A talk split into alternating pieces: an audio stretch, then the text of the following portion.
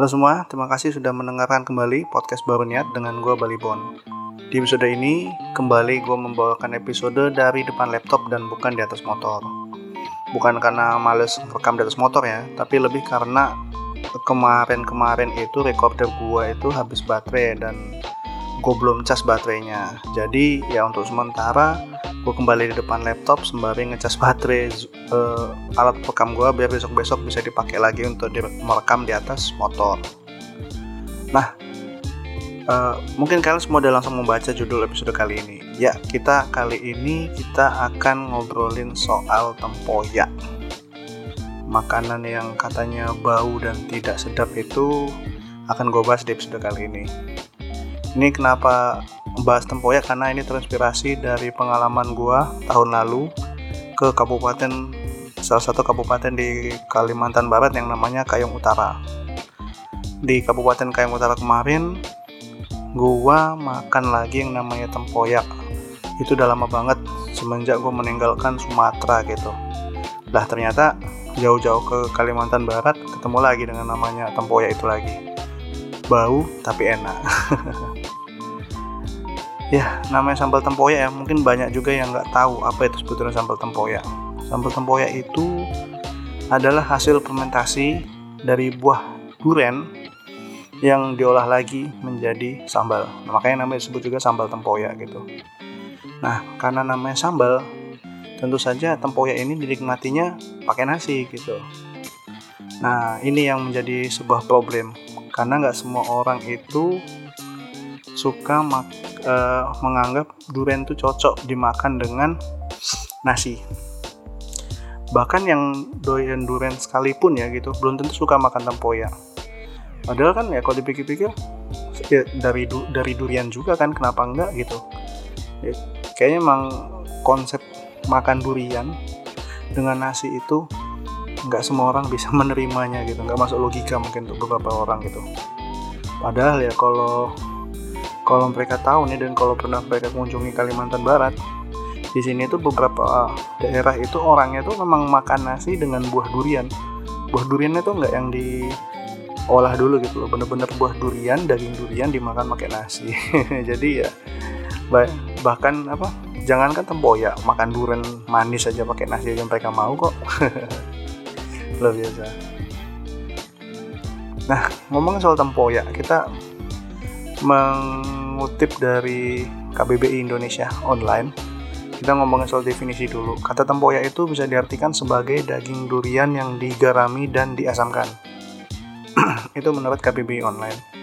Ya secara teknis sih emang gitu. Karena emang yang namanya bikin durian itu cara buatnya memang dari uh, hasil fermentasi durian yang dicampur dengan garam gitu. Jadi sudah uh, difermentasi tambah garam jadilah tempoyak durian itu Nah, kalau cukup Wikipedia, istilah tempoyak itu juga disebut sebagai asam durian. Ya benar, karena pas namanya fermentasi kan pasti menjadi asam gitu kan buah duriannya itu. Ya itu. Makanya disebut juga asam durian karena proses fermentasinya itu menghasilkan daging durian yang asam. Asamnya kenapa? Karena e, menghasilkan bakteri namanya laktit acid ketika fermentasi. Makanya jadi asam durian ketika difermentasi menjadi tempoyak. Terus ngomongin soal istilah lagi tempoyak. Siapa yang pertama kali mengenalkan istilah tempoyak untuk daging durian yang difermentasi gitu? Nah ini menarik nih. Karena dari hasil yang gue baca itu kita bisa menariknya sampai ke tahun 1836 Nah itu, itu pertama kali sejarah mencatat istilah tempoyak itu dari sebuah literatur gitu. Nah, ini tercatat pertama kali di, di literatur Malaysia yang namanya Hikayat Abdullah. Hikayat Abdullah ini adalah karya tulis buatan seorang apa ya mungkin dia kayak petualang atau pencatat lah gitu ya yang bernama Abdullah bin Abdul Qadir dia itu Hikayat Abdullah ini di, dikenal juga sebagai salah satu literatur pertama di Malaysia gitu.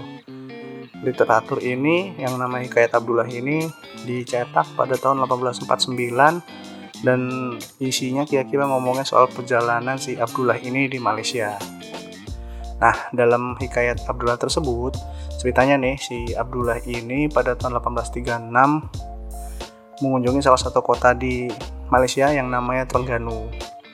Orang-orang di sana itu menurut sejak menurut hikayat Abdullah itu tidak memakan makanan yang mulia seperti daging, telur, mentega, susu.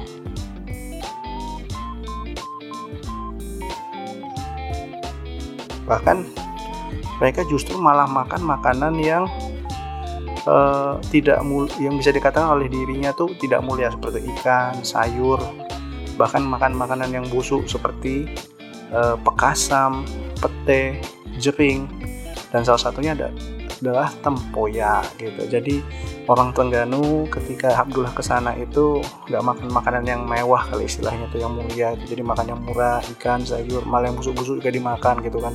Tadi kan udah gue sebut uh, salah satunya adalah selain tempoyak mereka makan pekasam. Pekasam itu istilah yang dipakai oleh masyarakat Malaysia untuk menyebutkan jenis-jenis olahan ikan yang diawetin dengan cara digarami terus diberikan asam dan gula merah gitu. Kayak mungkin kayak ikan asin gitu kali ya tapi ditambah asam lagi jadi makanya uh, pekasam gitu.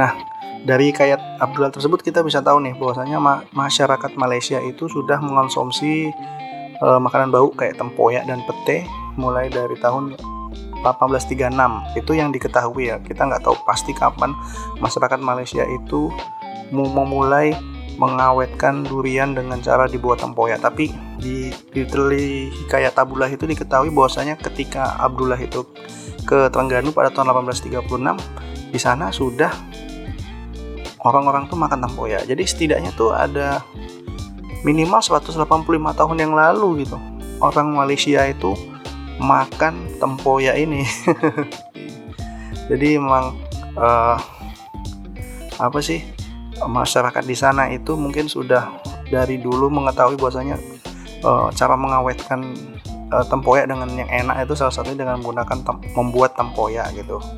Tapi kalau 1836 sih memang masih kurang lah 185 tahun karena kita ngebandingin sama sejarah nasi uduk aja. Katanya sejarah nasi uduk itu ada di dunia ini oleh pertama kali dibuat tuh semenjak tahun uh, semenjak abad 16 lebih lama lagi. Kalau kalau 1836 berarti abad 19 berarti kalau nasi uduk itu tahun 1500-an tuh sudah ada namanya nasi uduk. Kalah tempoyak mungkin nanti dia bisa ada yang lain deh kita akan ngomongin soal nasi uduk. Tapi untuk yang sekarang kita akan fokus terlebih dahulu sama olahan tempoyak ini itu itu sejarah soal tempoyaknya. Sekarang cara membuat kita akan ngomongin soal itu. Ini uh, kenapa gua ngomong soal tempoyak ya? Jadi istilahnya mungkin gua mau mengubah mindset gitu. Karena selama ini orang itu menganggap tempoyak itu adalah daging durian busuk. Sayang banget itu. Mindsetnya itu banyak masyarakat kita yang stigmanya tuh ya durian busuk jadinya tempoyak gitu. Padahal salah gitu. Itu nggak bener yang namanya tempoyak itu meskipun wanginya uh, semerbak gitu dia bukan dari durian busuk gitu. Justru kualitas durian itu mempengaruhi hasil dari tempoyaknya gitu. Kalau tempoyaknya daging duriannya busuk tempoyaknya busuk nggak ada yang mau makan. Tempoyak itu bukan daging durian busuk gitu dia itu malah cara untuk mengawetkan durian agar tetap bisa dimakan sebelum busuk. Itu tempoyak nah bahkan kalau dari yang gue baca eh, nggak uh, semua jenis durian itu cocok jadi tempoyak. Kan ada dua berbagai jenis durian tuh. Ada yang durian yang apa sih yang apa sih itu kayak mentega dagingnya tuh liat gitu kan. Ada juga yang basah gitu seperti berair gitu. Nah itu nggak semua durian itu bisa jadi tempoyak. Kalau tempoyak yang banyak airnya itu katanya kurang bagus tuh jadi tempoyak gitu. Jadi yang lebih baik mungkin yang istilahnya durian yang uh, liat gitu. Kayak mentega gitu mungkin lebih cocok dia dijadikan tempoyak gitu. Jadi itu tempoyak bukan durian busuk durian matang yang difermentasi supaya awet bukan busuk. Itulah. Jadi kalau kalian menemukan durian busuk di pinggir jalan terus wah ini jadi tempoyak nih jangan jangan lagi. Gue dulu juga mikirnya kayak gitu tapi setelah membaca-baca memang memang namanya tempoyak itu bukan dari durian busuk. Gitu. Uh, pertanyaan akan muncul sekali lagi ketika kenapa harus durian itu diawetkan gitu. Padahal kan ya orang kalau makan durian kan pasti bakalan ini ya uh, menghabiskan durian gitu. Tapi kan nggak segampang itu ya. Nama gini deh orang doyan makan durian. Lama-lama makan durian kan enak pak. Bahkan kayak gue yakin kalau misalnya orang dikasih daging sapi sekalipun setiap hari lama-lama dia akan bosan untuk makan daging sapi gitu. Kayak peternak sapi gitu tiap hari makan sapi bosan ya. Kayak orang so makan somai lah betul kenapa orang uh, penjual somai itu nggak mau makan dagangannya sendiri ya karena udah bosan gitu tiap hari dia makan itu. Makanya itu lah makanya durian itu juga diawetin. Kenapa ya? Karena yang ya yang punya durian itu sudah sudah muak gitu. Ya mereka nggak mau kan gitu istilah kebuang itu kan. Daripada kebuang mending ya diawetkan. Gitu. Nah makanya dibuatlah uh, cara mengawetkan. Misalnya kayak dibuat dodol atau di sini namanya lempok dan satu lagi yang namanya tempoyak gitu. Kalau tempoyak itu kalau sudah jadi itu bisa awet 2 sampai 3 bulan gitu. Beda kalau kayak durian. Kalau durian kan seminggu ditinggal aja udah bau beda udah matang banget itu udah nggak bisa makan lagi itu udah terlalu asam. Gitu. Itulah kenapa tempoyak dibuat. Bikinnya seperti yang gue bilang barusan dan kalau kalian bisa baca di internet caranya gampang. Cuman mencampurkan garam ke dalam daging lalu difermentasikan 2 sampai 3 hari gitu. Cuman ya itu yang nyampur itu nggak gampang gitu bikin tempoyak itu nggak mudah gitu. Jadi kan kayak kayak lu misalnya lu punya durian gitu. Duriannya pertama lu pisahin dulu dari bijinya. Terus dicampur dengan garam terus disimpan dalam wadah atau tupperware lah gitu kan. Nah terus lu uh, tinggalin. Ya belum tentu jadi tempoyak yang enak gitu.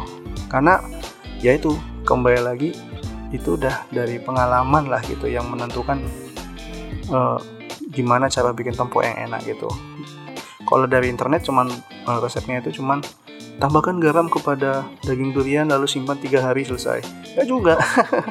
Karena ya itu ada banyak yang modifikasi uh, tempo bikin temponya itu sesuai dengan selera selera dan ya itu uh, ilmunya masing-masing gitu. Ada juga yang katanya nambahin minyak dalam campuran itu gitu kan.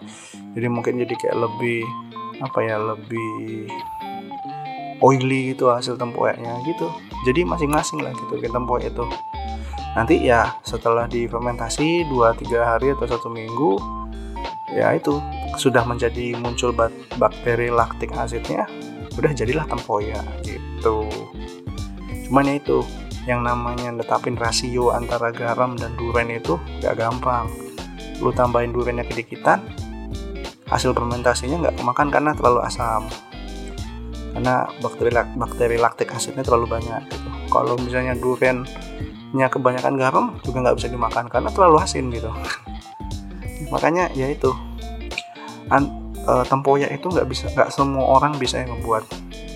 Tempoyak yang enak lebih tepatnya itu karena yang karena yang profesional tuh udah tau lah takarannya itu berapa rasionya itu. Jadi bisa dia menciptakan sebuah tempoyak yang enak dengan rasa yang balance gitu. Asamnya pas tapi juga nggak terlalu asin susah itu. Nah kalau udah difermentasi disimpan tiga hari dalam tupperware atau wadah itu jadi tempoyak? Bener bisa dimakan? Bisa uh, cuman itu apa ya itu bener-bener baru tempoyak raw gitu. Nah beberapa orang juga yaitu karena melihat uh, apa sih baunya yang begitu kuat banyak yang nggak begitu doyan dengan makan tersebut. Padahal ya kalau dipikir-pikir itu udah jadi istilahnya dicampur jadi sambal pun udah enak gitu. Nah makanya tempoyak itu biasanya tuh yang daging durian tadi tempoyak raw tadi itu dicampurkan dengan sambal gitu. Jadi sambal tempoyak atau jadi bumbu masakan untuk tambahan bumbu tambahan untuk masakan gitu. Jadi ya setelah itu barulah uh, dicampurkan tadi baru orang itu bisa mengonsumsi. Kalau gua um, belum pernah sih makan makan yang raw banget gitu. Pasti udah dicampur sambal gitu biar tambah ship dan mantap gitu. Terus nah ini apa sedikit fakta menarik nih soal tempoyak juga nih. Atau nggak negara paling yang yang paling banyak mengonsumsi tempoyak? Ternyata bukan di Indonesia loh karena jawaban yang paling benar adalah Malaysia. Ya di sana banyak kota yang memang utamanya masakan tempoyak kali ya. Makanya jumlah konsumsi tempoyaknya lebih banyak di sana gitu Indonesia sih nggak nggak sedikit nggak kalah juga sih nggak nggak nggak dikit juga yang makan tempoyak gitu. Cuman kalau kita mengacu ke pencarian Google ini kan karena mudah gitu kan mencarinya itu. Kalau kita ngomongin dengan kata kunci tempoyak itu semua websitenya itu mengarah ke websitenya Malaysia gitu. Nggak sedikit banget uh, artikel-artikel yang ngacunya ke Indonesia gitu. Bahkan kayak dari cookpad cookpad itu banyak masakannya yaitu resepnya dari masakan Malaysia gitu. Terus negara lain yang makan durian juga selain Malaysia Indonesia uh, Thailand mungkin ada karena ada juga ada durian dan tapi yang setahu gue yang paling yang juga menikmati untuk mengonsumsi durian itu adalah Brunei Darussalam. Tetangga kita juga di Pulau Kalimantan. Jadi kayak ini sih kayaknya karena negara tiga inilah Kalimantan uh, Indonesia uh, Malaysia Brunei Darussalam terutama di Brunei Darussalam di ini ya Malaysia yang di Pulau Kalimantan. Kayaknya emang Pulau Kalimantan ini banyak kebun durian. Jadi ya ketiga negara yang ada di pulau ini yang menikmati yang namanya du tempoyak gitu. Jadi ya itu dengan banyak durian pada busuk ya udah diawetkan menjadi tempoyak gitu hmm tempoyak di Kalimantan ini apa ya tadi gue bilang kan makannya pakai sambal. Cuma sambal tempoyak ini beda sama yang gue makan di Sumatera. Atau lebih tepat di Lampung gitu beda banget gitu. Kalau di Kayong kemarin Kayong Utara kemarin itu sambal tempoyaknya tuh warnanya putih. Uh, jadi ketika dibuat sambal sambalnya tuh nggak digiling cuma dipotong-potong aja. Terus dikasih bawang goreng dikasih bawang terus ditumis gitu kan. Ditambahin ikan teri gitu. Wah tuh, jadi ya ini uh, tekstur uh, tempoyaknya masih ada cuman ditambah sedikit lebih uh, gurih ditambah lebih pedas sama ada rasa bawang putihnya jadi enak gitu. Terus karena ini ditumis kan pakai minyak jadi agak lebih oily oily gitu. Itu dimakan pakai nasi aja enak serius. Gue cuma makan nasi nasi putih sambal tempoyak sama ayam ayam goreng biasa aja. Oh udah nambah makan nasi dua kali gue gue ke sana itu di warung makan tersebut dua kali. Ke sana selalu makan yang namanya tempoyak karena emang luar biasa enak. Nambah gue tempoyaknya serius. Kalian kalau kayak utara ke rumah makan Melayu di sana kalian harus nyobain yang sambal tempoyaknya tadi nah kalau di Lampung agak bedanya kenapa? Karena di Lampung itu sambalnya itu tempoyaknya ya lebih maksud gue itu dicampur dengan sambal terasi. Jadi udah sambal terasi udah diulek baru dicampurkan dengan tempoyak gitu. Jadi bukan yang dipotong-potong ditumis lagi tuh. Jadi udah campuran untuk sambal terasi gitu. Jadi rasa durian yang dimakan ketika dicampur sambal terasi itu sudah nggak terlalu kuat gitu bau duriannya karena udah lebih dominan rasa terasinya gitu. Tapi ya itu apa menurut gue sih enak lebih enak yang ditumis doang gitu. Karena rasa manis dari duriannya itu masih kerasa ditambah dengan uh, gurih-gurih pedasnya dari potongan cabai itu wah enak banget tambah nasi hangat tapi ya itu doyan mah doyan aja mau dimasak gimana kalau udah doyan pasti suka Terus kalau di Lampung itu ada lagi namanya tuh sambal seruit. Kalau seruit itu sebetulnya bukan bukan eksklusif untuk tempoyak sih. Sambal seruit itu kan kayak gini. Sambal terasi dicampur potongan ikan, potongan potongan tahu goreng, tempe goreng, terong, lalap dan lain-lain dicampur gitu kan jadi kayak lauk gitu. Itu uh, dimakan pakai nasi gitu. Kayak apa ya? Kayak mungkin gue bayanginnya itu kayak salsanya di taco gitu. Jadi sudah di, sudah dicampur antara sambal dengan lauk gitu jadi udah apa ya istilahnya tuh kayak sambal kasar gitu isinya tuh lauk semua gitu nah itu ya bukan eksklusif khusus untuk tempoyak sih tapi ada ikan dan lain-lain cuman kalau ditambah tempoyak jadi lebih enak gitu terus kalau ngomongin daerah lain soal tempoyak ini lebih macam-macam lagi ini olahannya tuh. Gue belum pernah sih. Mungkin kalian juga sudah pernah makan yang model-model tempoyak kayak gini. Kayak misalnya kayak di Jambi sama Bengkulu tempoyak itu dimasak dengan cabai giling. Jadi kayak sambelnya merah gitu langsung langsung gitu aja nggak pakai terasi. Terus di Jambi juga lagi ada yang namanya brengkes tempoyak brengkes itu apa ya pepes ikan kali ya. Nah, terus mungkin bedanya karena ditambah tempoyak gitu bedanya. Terus kalau di Palembang lagi ada yang namanya tempoyak ikan patin dan tempoyak ikan nila. Kayak pindang tapi dikasih tempoyak gitu. Jadi kuahnya kalau gue lihat di resep itu kuahnya kental dan tentu saja wangi duriannya ini tempoyak duriannya itu pasti harum dan kuat gitu mendominasi. Wah kayaknya enak banget tuh. Gue biasanya kalau makan pindang itu sama tempoyak ya biasanya dipisah aja gitu. Tempoyaknya di sambal pindangnya ya bikin pindang sendiri. Tapi itu pindang tempoyak itu pasti lebih enak itu. Mantep itu gue pengen nyoba. Terus kalau di Malaysia juga hampir mirip lah ya 11-12 di sana mereka pakai tempoyak untuk membuat yang namanya gulai. Jadi gulai ikan bukan pindang ya gulai ikan pakai pakai tempoyak gitu.